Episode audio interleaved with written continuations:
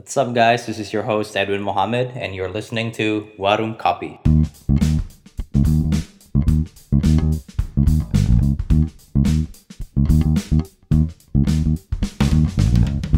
Oke, halo semuanya, gue Anang Filia. Gue sekarang lagi di warung kopinya Mas Edwin. Gue sebagai copywriter di Hapodo Hybrid. Halo, Nang. Apa Halo kabar? Mas Edwin, baik, alhamdulillah sehat.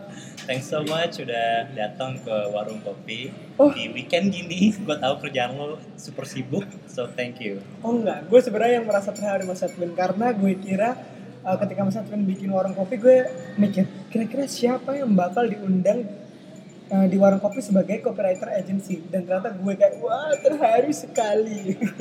Again, Nang, thank you for being here. Hmm. Nang, gue mau intro dikit nih. Jadi copywriter itu ada enak dan gak enaknya. Hmm. But then again, so is every other job. Banyak berita yang tersebar di kalangan kreatif kalau copywriting itu kerjanya capek, pusing, bikin stres, dan gak sehat. Tapi apakah semua komentar itu tergantung passion dan goal seseorang? Karena I've met with so many copywriters who are happy about their job and still are. Jadi sebenarnya gue pengen tahu nih, yang mana nih yang benar? So today, you and I, we're going to talk a lot about that. The bitter and the sweetness of being a copywriter. Mulai dulu deh ya Nang ya. Jadi copywriter di agency khususnya ya, lo harus lebih jago nulis atau ngide? Lebih jago nulis atau ngide? Sebelum gue jawab pertanyaannya, gue mau kasih disclaimer dulu nih mas Bahwa gue baru jadi copywriter selama 2 tahun Which berarti artinya gue adalah seseorang yang masih newbie lah kira-kira gitu Jadi nanti apa pun hal yang akan gue sampaikan adalah POV dari seorang newbie copywriter kira-kira gitu ya Jadi gini, eh, lebih jago ngide atau nulis bagi gue kemampuan teknikal nulis itu adalah kayak kemampuan teknikal kayak grammatical dan macam-macam itu adalah kemampuan teknikal yang bisa dipelajari eh, sembari lo menjadi seorang copywriter. Oke. Tapi untuk jadi copywriter itu adalah seenggaknya kita punya basic untuk bisa ngide Oke. gitu. Eh, karena gue ketika gue jadi copywriter, gue adalah orang yang berangkat dari seseorang yang gak bisa bahasa Inggris. Oh, dulunya lo nggak bisa bahasa Gak Inggris? bisa bahasa Inggris. Maksudnya TOEFL gue ya PS sampai 507 gitu. Cuman kan eh, itu kan gue mengerjakan TOEFL untuk keperluan kuliah dan untuk mendapatkan nilai. Bukan untuk solve the problem atau untuk eh, jadi seorang profesional di dunia kerja gitu kan. Nah ketika di real dunia kerja gue ngerasa bahwa kemampuan bahasa Inggris juga nggak cukup. Dan Oke. dari jadi copywriter itu akhirnya gue belajar banyak hal tentang grammatical tentang gimana caranya speak eh, English speaking dan macam-macam itu dari gue jadi itu sendiri jadi Oke. menurut gue kemampuan menulis jago nulis atau enggaknya itu bisa dipelajari setelahnya Oke. setelah ngide karena bagi gue ngide itu tuh kemampuan ngide itu tuh bisa jadi nggak dimiliki semua orang Oke. gitu bagi gue adalah ada beberapa orang yang memang diciptakan untuk menjadi seorang pengide atau mungkin thinker gitu Eh, gue bisa sang proklaim mungkin Tuhan menganugerai gue atau memberikan gue kemampuan untuk menjadi seseorang pengide gitu mungkin ya. Eh, itu gue merasa gue merasa gitu ketika gue baca bukunya Budiman Hakim saya pengen jadi copywriter waktu itu. Oke. gue baca buku itu dan gue merasa wow spesifikasi menjadi seorang copywriter itu mirip dengan gue yang suka berpikir. Yang suka berpikir dan Langsung relate ya? langsung relate. Dan ditambah lagi gue juga kayak merefleksikan diri gue ketika gue masih kuliah ketika ada acara-acara kampus atau komunitas apa pun gue selalu dipilih jadi kreatif dan ide-ide gue biasanya selalu dipakai di acara itu. Gue ngerasa oh mungkin ini adalah jalanku untuk merealisasikan ide-ide gue. Jadi copywriter adalah kerjaan yang hmm, cocok untuk seorang pengide sepertiku. Gue kira tadi Oke. gue kira gitu. Uh, cuman gue juga nggak uh, bahwa skill ngide itu menurut gue juga bisa diasah gitu. Ya. gue juga ngelihat banyak orang yang tidak terlalu dianugerahi kemampuan ngide yang gimana gimana tapi mereka bisa belajar bisa mau ngulik terus terusan dan pada akhirnya juga jadi pengide yang hebat hebat juga. Jadi bagi Oke. gue gitu. Jadi mau jago nulis atau jago ngide dulu menurut gue basicnya adalah jago ngide baru nanti bisa belajar nulis. Tapi mau ngide atau nulis dua-duanya bisa dipelajari uh, selama lo mau belajar dan mau ngulik terus-terusan kira-kira gitu Oke. Dan jago nulis ini berarti lu ngerti banget tentang teknis technical writing. Contohnya kayak proper grammar, tenses, capitalization dan lain-lainnya atau enggak? Of course, karena menurut gue jadi copywriter kan lu berarti men, meng, menyandang atau menyandang atau memangku gelar writer kan. Iya. Jadi kredibilitas lo sebagai writer ya at least kemampuan paling basic adalah pu- punya kemampuan untuk bisa menulis yang baik dan benar gitu Iya. kan. Jadi at least bisa nulis koma, titik koma, di mana spasi, di mana itu adalah kemampuan yang paling basic dan menurut gue paling wajib buat dimiliki seorang writer gitu Oke. ada cerita unik ketika uh, gue pernah berantem sama kreatif grup head gue gara-gara masalah penulisan rupiah. Berarti creative group head lo nih, I assume nggak berangkat dari copywriting backgroundnya. Uh, sebenarnya dia copywriter sih. oh serius? Sebenarnya dia copywriter cuman kan mungkin mungkin memang sudah lama di dunia Oh, agency dan iya, iya. mungkin tidak update gitu kan. Sedangkan gue kan kayak gue bela- gue follow Ivan Lanin nih di Twitter. Om Ivan Lanin terima kasih semoga mendengarkan ya. Gue Iya. follow Ivan Lanin dan gue update akan gimana caranya nulis yang baik dan benar gitu kan. Dari situ gue uh, mengimplementasikan lah kayak apa yang gue tahu uh, dalam penulisan rupiah gitu kan. Dan ternyata uh, kreatif berbeda gue waktu itu gak setuju gue menggunakan aturan yang dia bilang baru itu gitu Oh. yang dia bilang baru padahal sebenarnya memang peraturannya begitu kan Iya. dari situ kita mulai debat debat debat debat dan pada akhirnya gue ngalah karena ya dia senior dia sudah memegang brand itu sudah cukup lama gitu Iya. kan tapi dari situ gue merasa bahwa loh kalau semuanya gue mengikuti aturan dari eh, eh, kalau gue semuanya gue salah eh, gue takut salah walaupun gue memegang satu hal yang benar dan itu dalam dalam dunia kepenulisan gue ngerasa loh kredibilitas gue sebagai seorang writer tuh di mana jadi Iya. menurut gue kemampuan untuk bisa technical writing dan macam-macam itu adalah penting banget sih Mhm. gitu Oke, gue bahkan juga nih gue mau share dikit juga ya. Hmm. Setiap kali gue ingin tahu penggunaan yang benar tuh kayak gimana. Contohnya cara menulis kecamatan atau kabupaten dan Eh, eh. lain-lainnya. Dulu tuh gue sering banget nulis di Google searchnya tuh pakai pakai KBBI gitu kayak cara menulis kecamatan yang benar KBBI. Eh, eh, eh, eh. Tapi kalau sekarang itu cara menulis kecamatan yang benar Ivan Lanin namanya. Dan itu pasti muncul tweet dari dia gitu iya kan iya hasilnya. benar benar Itu ngebantu banget sih. banget Oke. Banyak yang bilang khususnya dari anak-anak agensi dan ex agensi Mm-mm. kalau jam kerjanya copywriter itu ngeselin. ya Masuk lo bisa super pagi, pulangnya pun bisa bareng banci sama pocong. Iya. Pertanyaan gue, bener gak nih? Tapi sebelum lo jawab itu, kalau emang bener nih ya, Hmm? apa yang bikin lo betah sama role ini? Eh, secara praktisnya kayak saat gue jadi copywriter gue punya privilege untuk belajar banyak hal mas Edwin Hmm.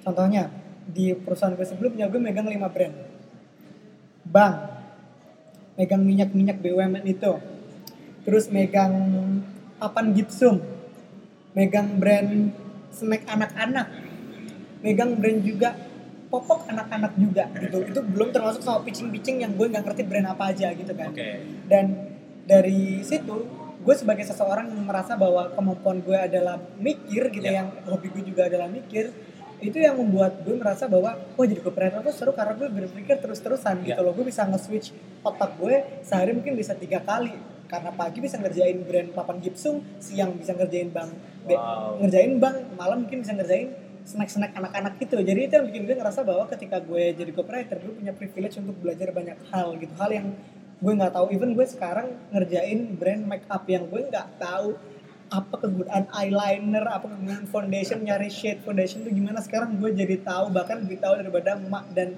tante-tante gue gitu loh. Lo nyoba nggak waktu itu?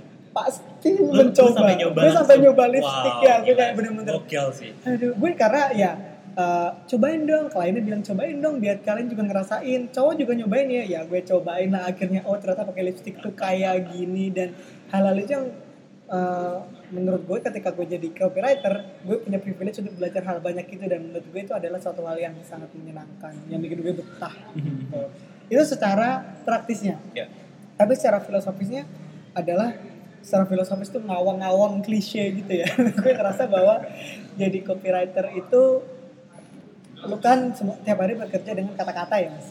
Dan bagi gue adalah words have strong power gitu, have strong power yang di mana lu bisa dengan nulis lu bisa menggerakkan orang atau simpelnya kalau gue dengan gue menulis call to action, ayo beli itu akan menggerakkan orang untuk beli make up gitu loh sesimpel Oke. itu aja dan itu Oke. yang bikin gue bahwa gue punya power itu gitu dan Ya. itu yang bikin gue ngerasa bahwa ketika gue jadi copywriter gue adalah seseorang yang powerful gitu itu yang Oke. menurut gue adalah salah satu privilege juga yang bikin gue betah kira-kira gitu Oke.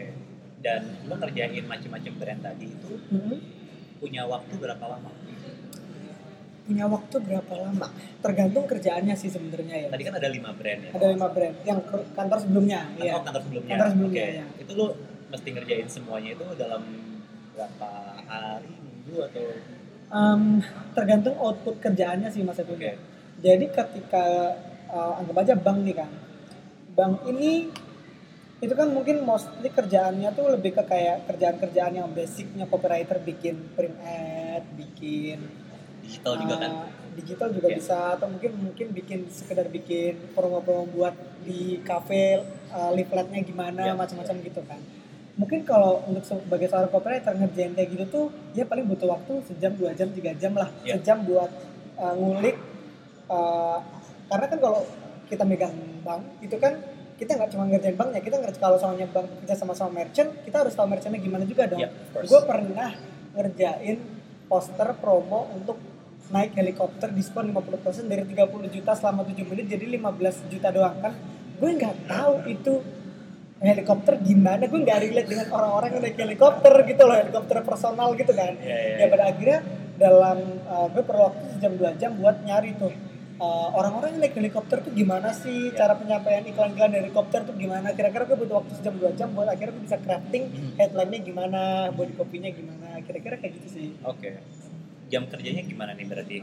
Dari hari ke hari biasanya lo masuk jam berapa, pulang jam berapa? ada dua perbedaan nih sebenarnya tergantung kantor ya mas karena kalau kantor biasanya agensi itu agak sama aja masuknya. Karena kantor gue lama dan baru tuh kantor baru rame ketika jam 10 atau jam 11 itu baru rame tuh itu baru rame. Baru ada yang ngobrol-ngobrol ada yang catokan ada yang pakai eyeliner macam-macam gitu. Kalau cowok yang mungkin main cowok ngapain ya pokoknya main game atau gimana tuh baru rame jam-jam 10 11 an Eh, tapi ketika pulang ada dua perbedaan uh, yang paling mencolok antara kantor gue yang lama dan yang baru. Di kantor gue yang lama karena kliennya juga banyak, gue bisa pulang sampai jam 2, jam 3. Gue pernah sebulan itu malam nih, eh pagi nih. pagi nih, gue pernah sampai makanya tadi dibilang uh, pulang bareng banci sama pocong. Bahkan kadang-kadang gue merasa apa gue side job jadi uh, ikut mangkal aja ya biar side job gitu kan lumayan nambah-nambah beli skincare atau pulsa gitu gue kira gitu kan itu karena pulang jam 2 jam 3 bahkan pernah sebulan itu gue nggak lembur cuma 4 hari Pernah nggak lembur? Cuma gue nggak empat lembur cuma 4 hari dan, dan itu pun pulangnya jam 9 jam 10 malam Berarti tiga hari sisanya tuh lo lembur sampai jam tiga. itu sebulan sebulan. jadi selama 20 hari gue kerja gue cuma 4 hari nggak lembur Oke. pernah wow. pulangnya jam 2 jam 3 jam 2 jam 3 jam 2 jam 3 Itu lagi masa-masa apa tuh? biasanya masa-masa pitching Nah, atau masa-masa bikin word biasanya Oke. kayak gitu tapi jam-jam biasa eh, apa biasanya pulang jam berapa? kalau normal day kalau di kantor yang lama paling sampai jam 9 jam 10 atau jam 8 lah ya tapi Oke. kalau di kantor baru ini gue lebih seneng karena normalnya gue balik jam 7 harusnya gue jam 7 udah bisa balik tapi kadang-kadang kan kayak ngobrol-ngobrol sama temen-temen nah, ngomong-ngomong Iya, iya. gitu sampai jam 8 baru balik gitu. Oke. tapi kalau semuanya sampai lembur bos gue yang baru sekarang kayak udahlah ngapain lembur-lembur jam 10 balik kira-kira kayak gitu Jadi copywriter itu kan identik sama pitching ya. ya kayak tadi Nah ini bagi yang belum tahu nih tentang pitching, pitching adalah ketika sebuah agensi itu sedang menjual idenya mereka ke klien, hmm. baik itu untuk iklan yang apa skalanya kecil sampai yang skalanya besar. Mhm. Nah gue yakin nih banyak macam cerita yang udah lo alamin di behind the curtain gitu. iya iya Di balik persiapan lo pitching dan sampai saat lo pitching sampai sesudahnya. Pun gue yakin selain kalian merayakan keberhasilan pitching, goal nih sama klien A, B, C, pasti ada dramanya juga. Hmm. Boleh nggak nih lo curhatin apa aja momen yang paling bahagia, satu, sama yang kedua yang paling dramatis. Momen yang paling bahagia itu adalah momen di mana gue bisa menang pitching. Oke. dalam waktu tiga hari gue masuk sebagai copywriter baru Wih, tiga hari? tiga hari. Di jadi kantor gue lama? di kantor lama gue baru tiga hari. Itu tiga hari pertama gue jadi seorang copywriter ya. Terus habis itu gue dibilang sama kreatif grup gue eh bantuin pitching ini ya. Bikin storyline. Idenya eh, directionnya gini gini gini gini gini. Ya. gitu kan. Pengen kayak iklan Thailand dia bilang. Hmm oke. Dia bilang gitu. Gue akhirnya mulailah waktu itu ngide bikin storyline dan ternyata tiga storyline gue ketiga dari dua storyline gue dipilih buat dibawa ke klien Wow. dan alhamdulillahnya dari satu cerita cerita gue dieksekusi itu yang membuat gue kayak oh mungkin memang jadi copywriter itu jalan gue buat bisa survive lah Nah itu kan merayakan keberhasilannya Hmm. ya. Persiapannya gimana nih? Masa sih nggak ada dramanya? Ah, nah kalau sebenarnya kalau masalah drama tuh bukan di masalah ini karena ini kan cuma sekedar gue bikin terus itu di proof Ya. nggak terlalu banyak sedang Oke. ada drama di beberapa pitching-pitching yang lain gitu Di saat pitching berarti? di saat pitching Mhm. eh, drama yang paling menurut gue yang paling drama drama yang paling drama gimana sih drama yang paling drama Ekstrim adalah ya, ekstrim itu adalah ketika gue eh, ngerjain pitching buat produk perbankan yang brand ambassadornya Rich Brian Oke. waktu itu Itu brand apa boleh disebut nggak? hmm, kayaknya jangan deh Iya. kayaknya jangan deh Why? pokoknya bank yang brand ambassadornya Rich Brian tahu deh kayaknya orang-orang Tinggal Google nanti ya. tinggal Google itu waktu itu kita mengerahkan dua tim dan waktu itu tim gue sebenarnya tidak tidak dedicated buat ngerjain pitching itu tapi karena saking besar pitching akhirnya digerakkan dua tim jadi dibagi gue ngerjain untuk bagian digital bla bla bla bla bla bla. Gue udah bikin storyline dan bikin macam-macam sesuai dengan arahan mereka sesuai dengan arahan arahan planner lah malah sebenarnya. Arahan planner terus ketika gue udah bikin ternyata cuma gara-gara ada satu scene ada satu adegan di mana ada rumah sakit uh, bos gue bilang tapi bukan bos kreatif ya bos. Ya dari manajemen lah dibilang kalau kayaknya kalau seumpamanya ini hospital nanti jadinya kayak asuransi deh. Terus kayak kan intinya bukan itu menurut gue gitu kan. Katanya, oh Akhirnya- menurut lo gitu. Oh, oh, gitu, gue gue akhirnya agak mendebat sedikit gitu. Dan ternyata uh, pro- produk ini tuh punya fitur asuransi. Berarti Ya. gue nggak salah dong Ya. gitu. Tapi akhirnya ide itu di take out karena nggak sesuai sama keinginan uh, manajemen bos gitu. Jadi Oh. pada akhirnya gue udah bikin berdarah-darah sama teman gue sampai semalam itu dan akhirnya di out tuh kayak ya ya ya udahlah gitu walaupun pada akhirnya ide besar yang tim kita bikin itu dipakai sampai sekarang gitu. Oh oke, oh ide, ide besarnya dipakai. Ya dan itu paling drama karena itu ngabisin waktu kurang lebih dua bulan Oke. di awal Januari 2019 kemarin. Dan yang paling parah adalah Sabtu Minggu selama dua bulan itu kita selalu masuk. Cuman kalau nggak salah cuman Sabtu dua kali Sabtu Minggu kita nggak kita libur. Selain itu kita masuk terus Sabtu Minggu Dengan jam kerja yang sama. dengan jam kerja yang sama. Separah itu itu sedramatis itu kayak Tuhan Tuhan tolong so- hentikan semua ini. Iya, iya. Separah itu sih waktu itu. Oke. Gitu. Berarti selain itu nggak ada drama yang lain nih. ada ya mungkin drama-dramanya cuma sekedar kita udah bikin ternyata planner merasa kurang sesuai sama direction mereka terus akhirnya diulang dari awal lagi jam 9 pagi diulang dari awal lagi baru nanti presentnya jam 1 gitu. Ya kayak gitu itu drama-drama yang skala normal lah. Mhm. kalau nggak sampai yang kayak ada berantem berantem kayak eh lo ya. Nggak sampai kayak gitu. Mungkin kalau yang drama skala normal cuma gitu kayak uh, waktu dikoreksi lah istilahnya waktu didiskusin sama planner karena kok kayaknya nggak sesuai sama direction gue ya gitu itu tapi di kantor yang lama sih kira-kira kayak Oke. gitu karena kalau di kantor yang baru itu jarang sekali pitching bahkan selama gue enam bulan kerja ini gue baru sekali pitching gitu Oke. Dan lo boleh ceritain sedikit nggak di saat pitching tuh biasanya suasananya gimana sih? Hmm. Eh, sangat sebenarnya suasananya kayak kerja biasa. Cuman yang paling yang paling beda dengan kerja biasa adalah kita lebih sering diskusi gitu Oke. kan diskusi terus-terusan diskusi terus-terusan dan agak cukup intens ketika kita ngerasa bahwa kayaknya planner ini kayaknya nggak gini deh kayaknya direction planner tuh kurang tepat deh kreatif ngerasa gitu Iya. itu yang menurut gue yang perbedaan antara kerjaan biasa kalau kerjaan biasa kan kayak brief masuk kerjain udah Iya. tapi kalau ketika pitching klien ngasih direction terus kita ngerasa kayaknya nggak gitu deh akhirnya kita bikin output yang lain dan nanti akhirnya terjadilah drama-drama itu lebih intens aja sih biasanya sih. Oke. Jago ide, jago nulis, dan harus siap mental juga berarti kan Iya. ketika menerima feedback. siap mental dan bisa teamwork itu yang paling penting Teamwork. Hmm, Oke. kalau samanya kerja sendiri ya jangan jadi copywriter Oke oke oke. Oke. I see. Hmm. Dan teamwork ini berarti lo harus punya jiwa sosial juga kan? Berarti Mm-mm. kenalin tim lo kayak gimana, Ya. jangan pernah kerja sendiri. Ya. Oke. um, so it's been clarified that being an agency copywriter means you are selling your creative ideas to other companies kan? Mm-mm. Nah, sesudah semuanya kelar nih, Mm-mm. lo dikasih data nggak performance-nya kayak gimana sama klien? karena sekarang gue kan jadi dedicated tim ya untuk menanganin brand makeup itu tadi Hmm.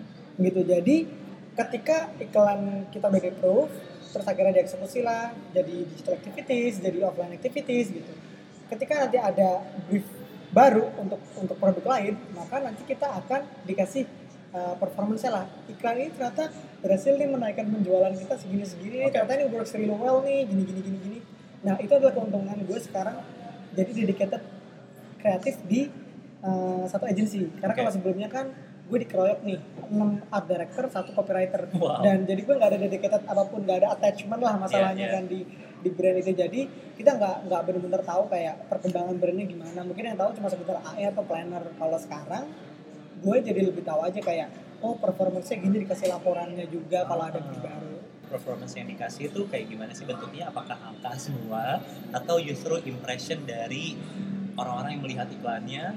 Gimana nih? Kebanyakan angka sih jadi gini angka. kita kadang nggak bisa ngebaca kan kita Iya. kita agak bingungan karena gue kreatif ya gue nggak ngerti cara ngebaca itu apa namanya diagram diagram itu Iya, gimana beda scope, beda feel. Cuman di sini baiknya klien kita ada klien kita itu mau bikin workshop di mana mereka ngasih tahu nih kayak that's so cool. iya ini kita udah berhasil kayak gini kita udah berhasil ngangkat ini ini, ini. kita udah berhasil ngangkat produk kita sampai ke sini nih Iya, kita udah iya. bisa bawa produk kita sampai ke sini nih Iya, nah iya. itu yang menurut gue hal yang menarik yang gue eh, yang bikin workflow kerja di kantor gue yang baru itu lebih mudah dibandingkan kantor gue yang sebelumnya Nah, ngomongin soal a day in the life of a copywriter di ibu kota ya, di Jakarta. Tadi kan udah ngejelasin kalau jam kerjanya dari jam 10 jam 11 Mhm. sampai jam 8 paling lama jam 10 ya. Ini yang sekarang. Hmm. Kalau yang dulu bisa sampai jam 2, jam 3 Ya. pagi. Tapi a more detailed version of that ya. Typical day-nya dan non typical day-nya kayak gimana sih dari bangun tidur sampai tidur lagi. kalau biasanya tuh kalau semamanya cuman ada kerjaan revisi atau cuman ada kerjaan yang sepele-sepele bikin KV gitu gue bangun jam 8 bangun jam 8 kalau samanya And that's normal ya.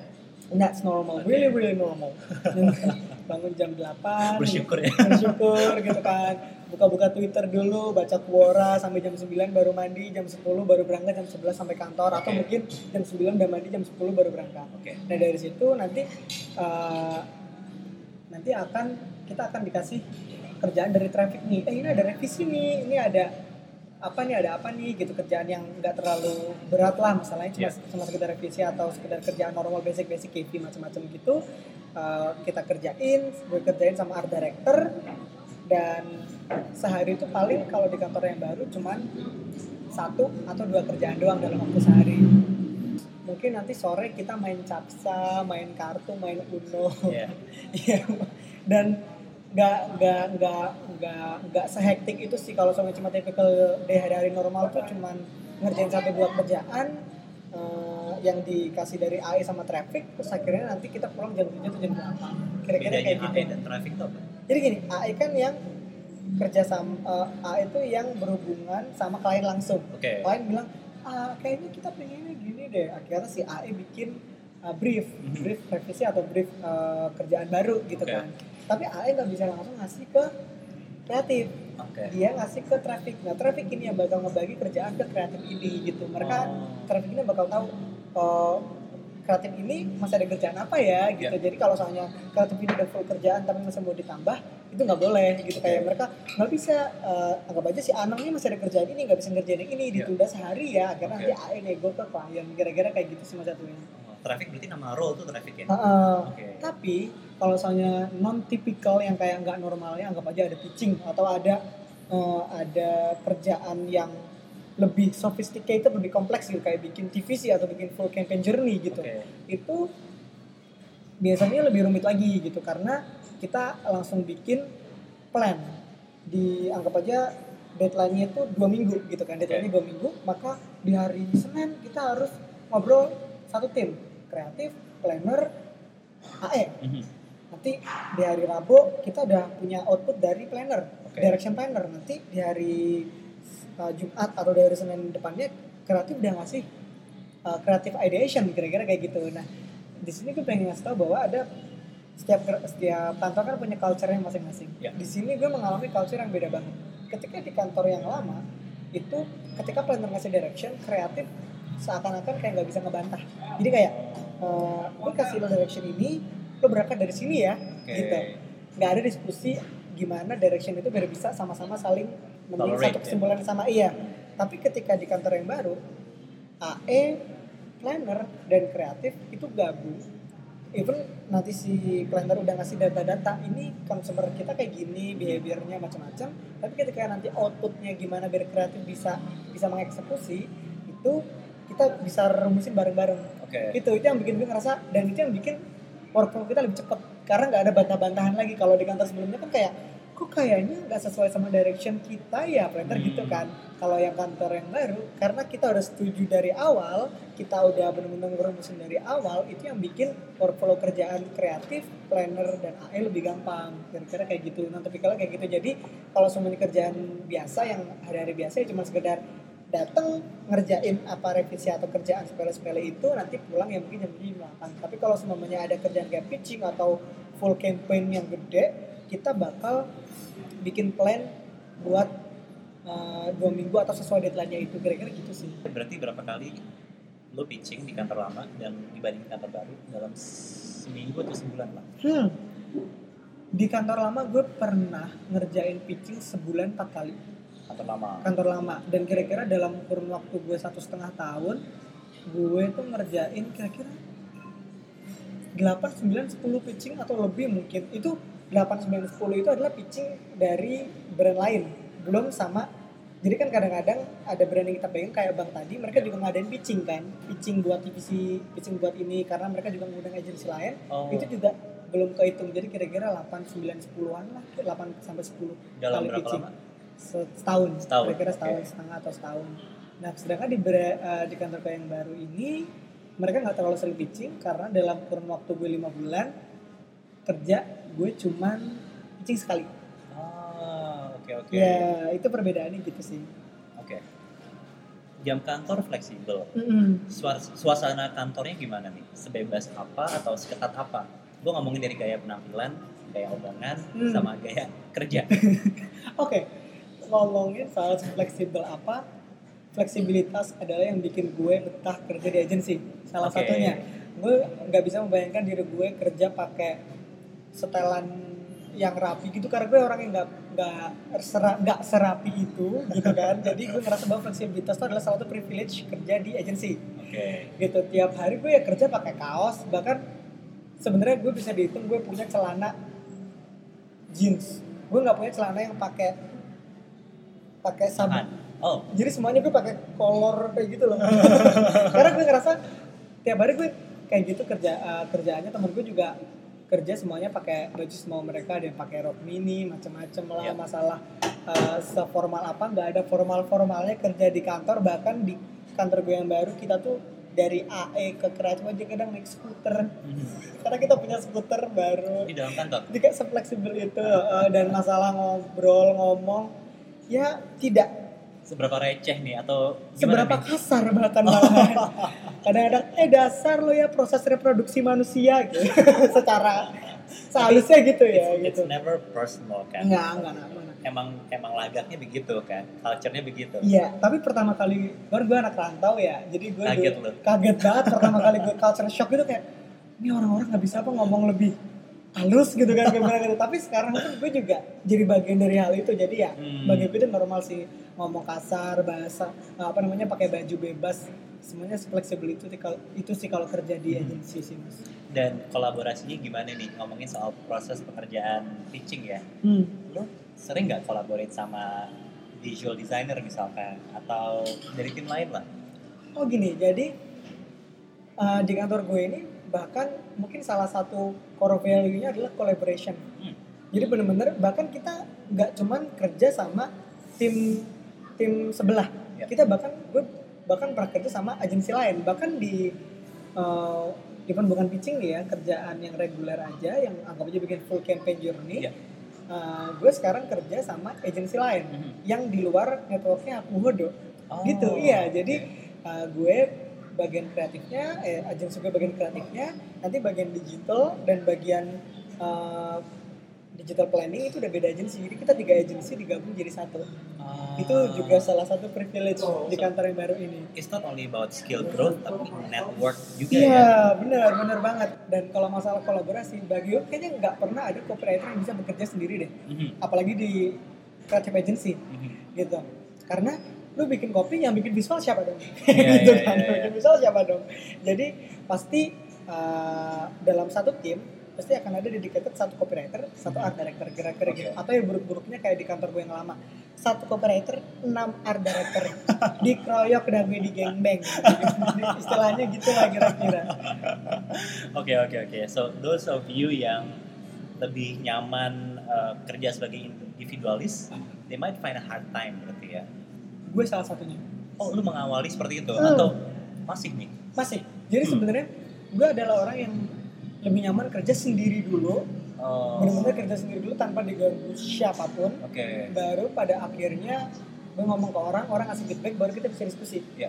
pokoknya gue harus punya kayak base idea gue dulu basic idea gue dulu yang bakal gue sampaikan baru gue bisa diskusi kalau nggak gitu kalau dis- ngomongin diskusi dari awal gue nggak bakal bisa nemu karena gue bakal kedistraksi akan banyak hal kayak gitu kan Mhm. Nah, tapi di kantor gue yang baru nggak bisa kayak gitu.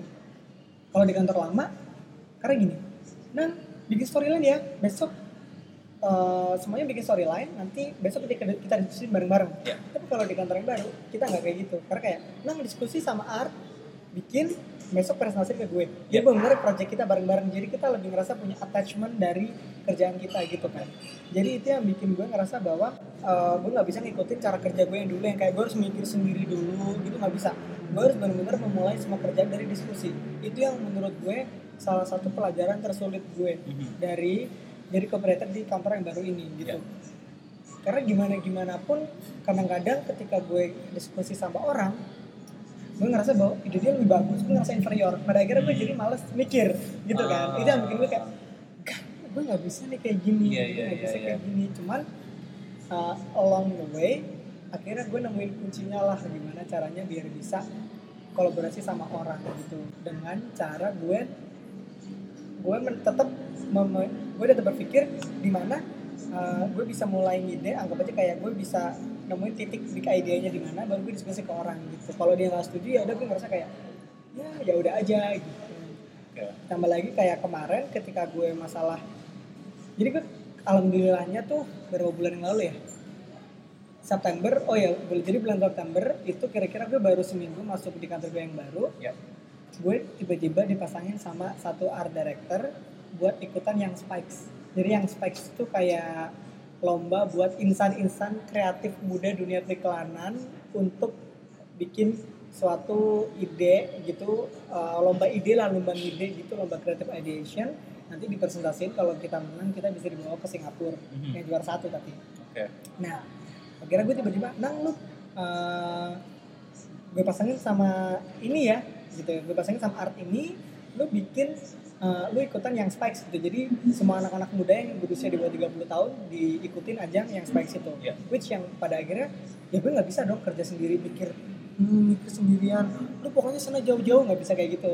Jadi mulai dari situ gue belajar gimana caranya kolaborasi dan alhamdulillahnya kita menang juara tiga. Yeay. Wow, congratulations. ya nggak apa-apa dong. Masih juara dua dan juara satu siapa nih? juara satu dari Gojek Dari Gojek. dari Gojek juara duanya dari Tokopedia oh enggak juara duanya dari Arcade Oke, dari oh, Arcade agency juga. agency juga juara satunya Gojek Oh, wow.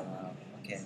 Balik lagi soal jam kerja nih, Nang. hmm. Jadi copywriter di agency itu cocok nggak sih buat seseorang yang sudah berkeluarga atau at least married?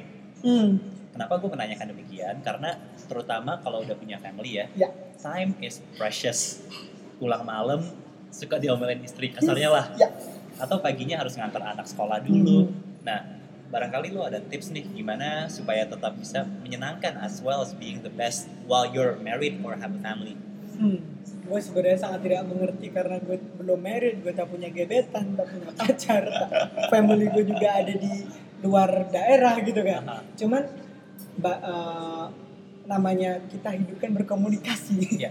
jadi gue sering banget kalau lembur pulang bareng teman-teman gue yang mostly umur umur 25 30 yang biasanya udah pada kerja kan mereka pasti sering curhat bahkan di telepon istrinya ke mana sih katanya pulang sore tapi sekarang nggak pulang sore sampai kadang-kadang gue nih ngobrol sama Anang nih sampai kayak gitu sampai nih karena sampai istrinya tahu gue karena sering kerja bareng gue ngobrol sama Ah. Anang nih kita emang beneran lembur sampai segitunya Oh, oke. gitu jadi gue ngerasa kayak wow bekerja di agensi dengan ketika sudah punya keluarga tuh sepertinya sebuah tantangan yang sangat berat ya gitu I can imagine sih. Tapi banyak nggak Hmm. yang udah berkeluarga? banyak banget Banyak banget. bahkan teman gue ke- ketika sudah berkeluarga akhirnya mereka memutuskan untuk bilang kayak kayaknya gue udah gak mau agensi lagi deh karena udah bener-bener nggak bisa nih Ya. gitu cuman gue masih belum tahu gue akan memutuskan untuk keluar dari agensi ketika gue akan berkeluarga atau enggak. Cuman ketika nanti gue berkeluarga melihat cerita-cerita dan mendengarkan cerita teman-teman gue itu kolega-kolega gue gue berpikir kayaknya nanti ketika gue punya uh, punya istri atau gue udah berkeluarga yang dia nggak pernah terjun di dunia agensi gue akan bawa dia ke kantor gue kasih tahu nih cara kerja gue tuh begini selama Oh, ini that's a mungkin idea. mungkin Iya, gue kayak iya. gitu biar dia tahu sekalian Iya, iya, gitu even ya gue juga ngeliat ada beberapa orang yang sama-sama agensi pun masih konflik gitu cuman Hmm. ketika kita sama-sama paham mungkin saling komunikasi akhirnya kan tahu Ya, gitu ya. dan gue ngelihat ada beberapa uh, bapak-bapak ya di kalau bapak-bapak kolega gue tuh ngerasa bahwa Sabtu Minggu mereka nggak mau diganggu akan apa pun Oh, bos gue juga gitu Oke. jadi makanya ketika hari Jumat pokoknya Jumat nggak boleh ada lembur Oh, gitu oke, jadi oke. nikmatin weekend kalian bareng keluarga bareng teman atau ikut seminar atau apa pun Wow, gitu that's that sounds relief, relieving ya. Eh, jadi eh, menurut gue adalah mungkin ini yang akan gue implementasikan nanti mungkin tapi Oke. ya kalau kita gue berkeluarga adalah ketika Sabtu Minggu gue nggak mau diganggu oleh urusan kerjaan tapi eh, ketika sebelum itu gue bakal ngomong ke calon gue bahwa gue kerjanya kayak gini gue mungkin bisa lembur gue mungkin bisa ketemu orang sampai berhari-hari nggak pulang atau gimana gimana itu akan gue komunikasi terlebih dahulu atau mungkin bahkan gue ajak ke kantor sekalian. Iya. kayak gitu sih. Lo mesti rajin belajar apa aja nih to be the best in this job. rajin sebenarnya. Mau kerja apa pun yang penting rajin kan. Oke, Menurut disiplin ya. disiplin dan rajin. Ya gue nggak ngerti ya karena gue belum jadi copywriter the best cuman gue melihat orang-orang yang kayak kreatif director gue bisa sampai dikirim Akuodo buat dua eh, dua bulan eh, dua bulan eh, pelatihan di Akuodo global yang di Jepang gitu kan dia juga Oh, bisa copywriter gitu Oke. gue ngelihat dia adalah gimana caranya dia jadi yang terbaik adalah dia konsisten Mhm. dia benar-benar konsisten dia tahu apa yang dia capai klise Oke. banget sih tapi caranya memang kayak gitu terus yang kedua adalah jadi copywriter itu kayak mas Etu bilang tadi menjual ide kan. Dan salah satu hal krusial gimana caranya kita ngejual ide adalah kita punya kemampuan untuk storytelling. Oke. jadi storyteller itu adalah salah satu hal yang paling krusial yang harus dimiliki menjadi seorang copywriter. Secara verbal non verbal apa pun. Tapi menurut gue adalah kemampuan menjual adalah gimana cara kita bisa mempres- mempresentasikan ide kita mengkomunikasikan ide kita ke orang biar lebih convincing. Oke. kira-kira itu. Jadi itu juga yang gue pelajari ketika eh gimana ya jadi orang-orang hebat itu gitu loh Iya. karena there's no there's nothing new under the sun menurut Oke. gue gitu nggak ada hal yang baru kan jadi apa yang kita bikin tuh pasti hasil modifikasi dari apa yang udah pernah ada Iya, iya. gitu kan jadi menurut gue ketika mereka jadi the best itu karena mereka berani speak up dan mereka bisa jadi storyteller yang hebat Mhm. ketika mereka bisa jadi storyteller yang hebat dan mereka rajin mengasah kemampuan itu menurut gue dari situlah mereka bisa jadi seseorang yang hebat terutama di dunia creative agency ini menurut gue gitu I think that's a great idea karena ketika lo jago storytelling itu nggak apply only for copywriting kan. Mhm.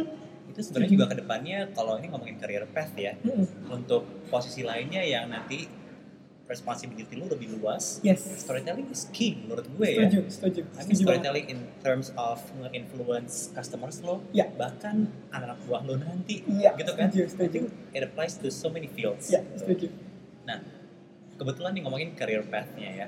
Berarti career path copywriters di agency itu gambarannya gimana nih ya? Let's say gue barusan keterima nih Hmm. di Hakodo ya. ya Gue mesti expect apa nih buat diri gue in the next 5 or 10 years? Oke, jadi gue beruntung ketika gue masuk kan waktu di Densu gue jadi junior copywriter. Ya. Terus dalam kurun waktu setahun setengah ternyata gue udah jadi copywriter. Jadi gue udah naik lah satu Ya. level gitu. Yang gue lihat dari dari teman-teman gue adalah setahun dua tahun mungkin jadi junior, Mhm. ya kan. Lanjut jadi middle copywriter. Dua Oke. tahun kemudian jadi copywriter. Nah, tapi untuk jadi copywriter kelas middle untuk jadi senior itu ada yang cuma perlu waktu setahun, ada yang cuma perlu waktu dua tahun, ada yang perlu waktu sampai empat tahun. Right. Karena kadang ada orang yang berorientasi kayak, hmm, kayaknya gue nggak mau jadi senior deh karena tanggung jawabnya lebih gede. Ah, Tapi ketika gue tetap jadi copywriter kelas middle, tapi gaji gue naik, ya kenapa enggak? Kayak gitu. Oh, oke. Ada orang yang merasa kayak gitu. Mhm. Jadi, tapi kalau gue pribadi, mungkin sekarang-sekarang gue jadi copywriter kelas middle, Ya. mungkin di dua tahun ke depan gue pengen jadi senior copywriter Oke. gitu dan untuk jadi senior copywriter itu bakal ada tahapan lagi nanti jadi seorang creative group head atau istilahnya manager deh gitu Iya. manajer satu tim dan untuk jadi creative group head itu biasanya perlu pengalaman ya minimal 5, 6, 7 tahun jadi seorang copywriter baru jadi creative group head gitu. Atau mungkin bisa lebih lama dari itu 10 tahun gitu. Dan tapi untuk jadi creative director itu bisa lebih lama lagi ada orang yang bener-bener bisa cuma perlu waktu 12 tahun bisa jadi creative group head. Jadi mungkin dari dia jadi junior copywriter umur 22 terus dia jadi umur 34 tuh jadi creative group head which itu bos gue. Hmm. Eh, berarti dia mungkin memang sangat cemerlang gitu sangat jenius bisa genius one tapi ada juga yang mungkin orang perlu waktu sampai umur 45 atau mungkin 47 buat jadi creative director kira-kira kayak gitu Oke. cuman bagi gue career path ini ya satu hal yang nggak harus jadi fokus semua orang sih kayak Oke. ada kayak temen gue yang dia udah kerja di creative agency jadi art director selama 5 6 tahun tapi Yeah. sekarang jadi masih tetap jadi art director bukan jadi senior art director Oke. karena kayak dia bilang kalau gue jadi senior tanggung jawab gue lebih gede ya walaupun gaji gue naik ya mendingan gue gaji gue naik tapi tapi tanggung jawab gue tetap kayak gini-gini aja gitu Yeah. jadi itu tergantung prioritas kalau semuanya jabatan itu adalah uh, is a thing for you uh, ya itu adalah career path yang menurut gue paling normal kayak tiga uh, dua tahun jadi junior copywriter tiga sampai empat tahun eh tiga tahun jadi copywriter middle Ya. uh, mungkin 5 sampai 4 sampai 5 tahun jadi senior Iya. nanti baru jadi creative group head atau creative director kira-kira kayak gitu sih Apa aja nih tantangan terbesarnya? Something that you've been wanting to learn tapi belum kesampaian. dulu ketika jadi copywriter itu tantangan terbesarnya adalah gimana caranya kita bikin tren Mhm. adalah dulu Oreo gitu Iya. kan kayak diputer di jilat celupin Iya, iya, ya iya. kan Alika gitu kan zaman dulu kan itu benar-benar jadi tren kan dulu ya ya. cuman kalau sekarang untuk bikin tren itu satu hal yang cukup sulit Hmm. karena gue ngeliat di sini kecenderungannya iklan-iklan sekarang atau communication strategy sekarang tuh lebih ke kayak gimana caranya kita riding the trend Oke. dibandingkan kita creating the trend Oh, I see. Iya kan? Mhm. Nah, itu yang menurut gue satu hal yang gimana caranya gue biar bisa survive dan itu yang eh, gimana caranya biar bisa survive adalah being relevant, always being relevant dan itu hal yang menurut gue sangat susah. Mhm. Challenge gue adalah karena ketika gue nggak relevan, ketika gue nggak keep relevan di satu hal, pada akhirnya ya udah bakal ketinggalan aja karena banyak banget agensi-agensi yang pada akhirnya ketika mereka nggak mencoba untuk keep up Ya.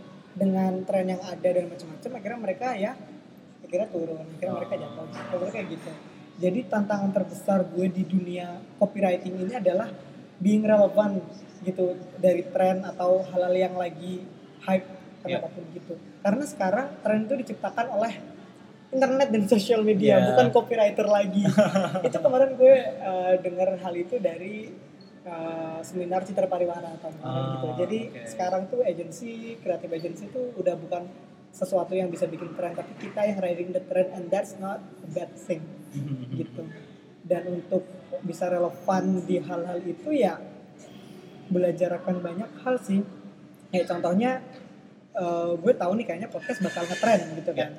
Akhirnya gue gue menyelami lah kayak bikin podcast tuh gimana sih, editing gimana sih gitu. Jadi hal-hal kayak gitu yang menurut gue ketika gue mencoba untuk selalu relevan, jadi gue akan belajar akan banyak hal gitu. Dan kuncinya untuk bisa riding the trend tadi itu ya lo harus pinter ngulik ya. Ya, pinter ngulik. Consistent dan bisa storytelling. Yes, setuju. So as it turns out, selain jadi copywriter, Anang juga lagi ngebangun podcastnya nih. Yang udah lama banget cuti. yang udah lama banget cuti.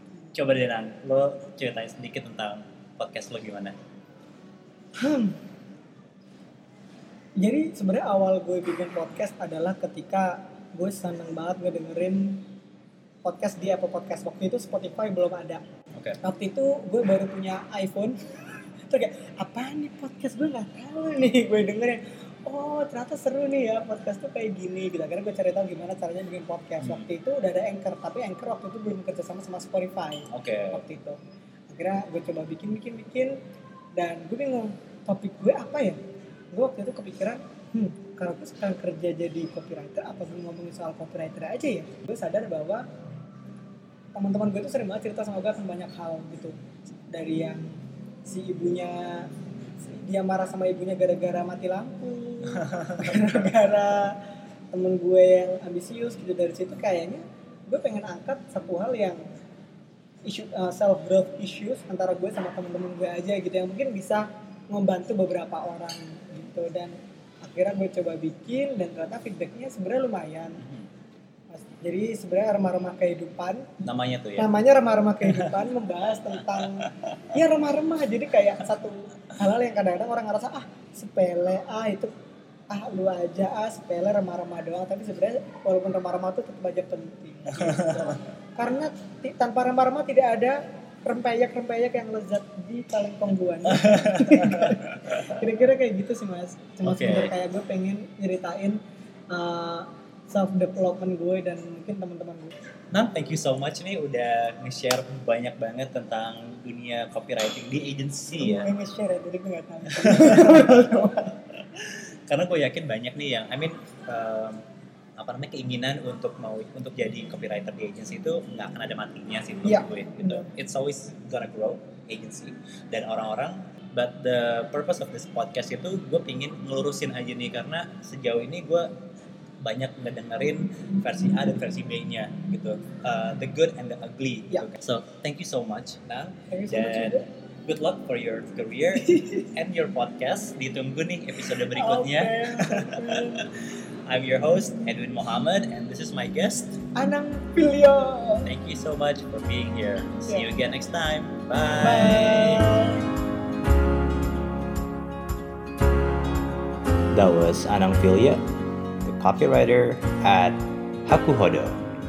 Thanks for tuning in to Warung Copy. Don't forget to follow us on Instagram at warung.copy. I'll see you again next time.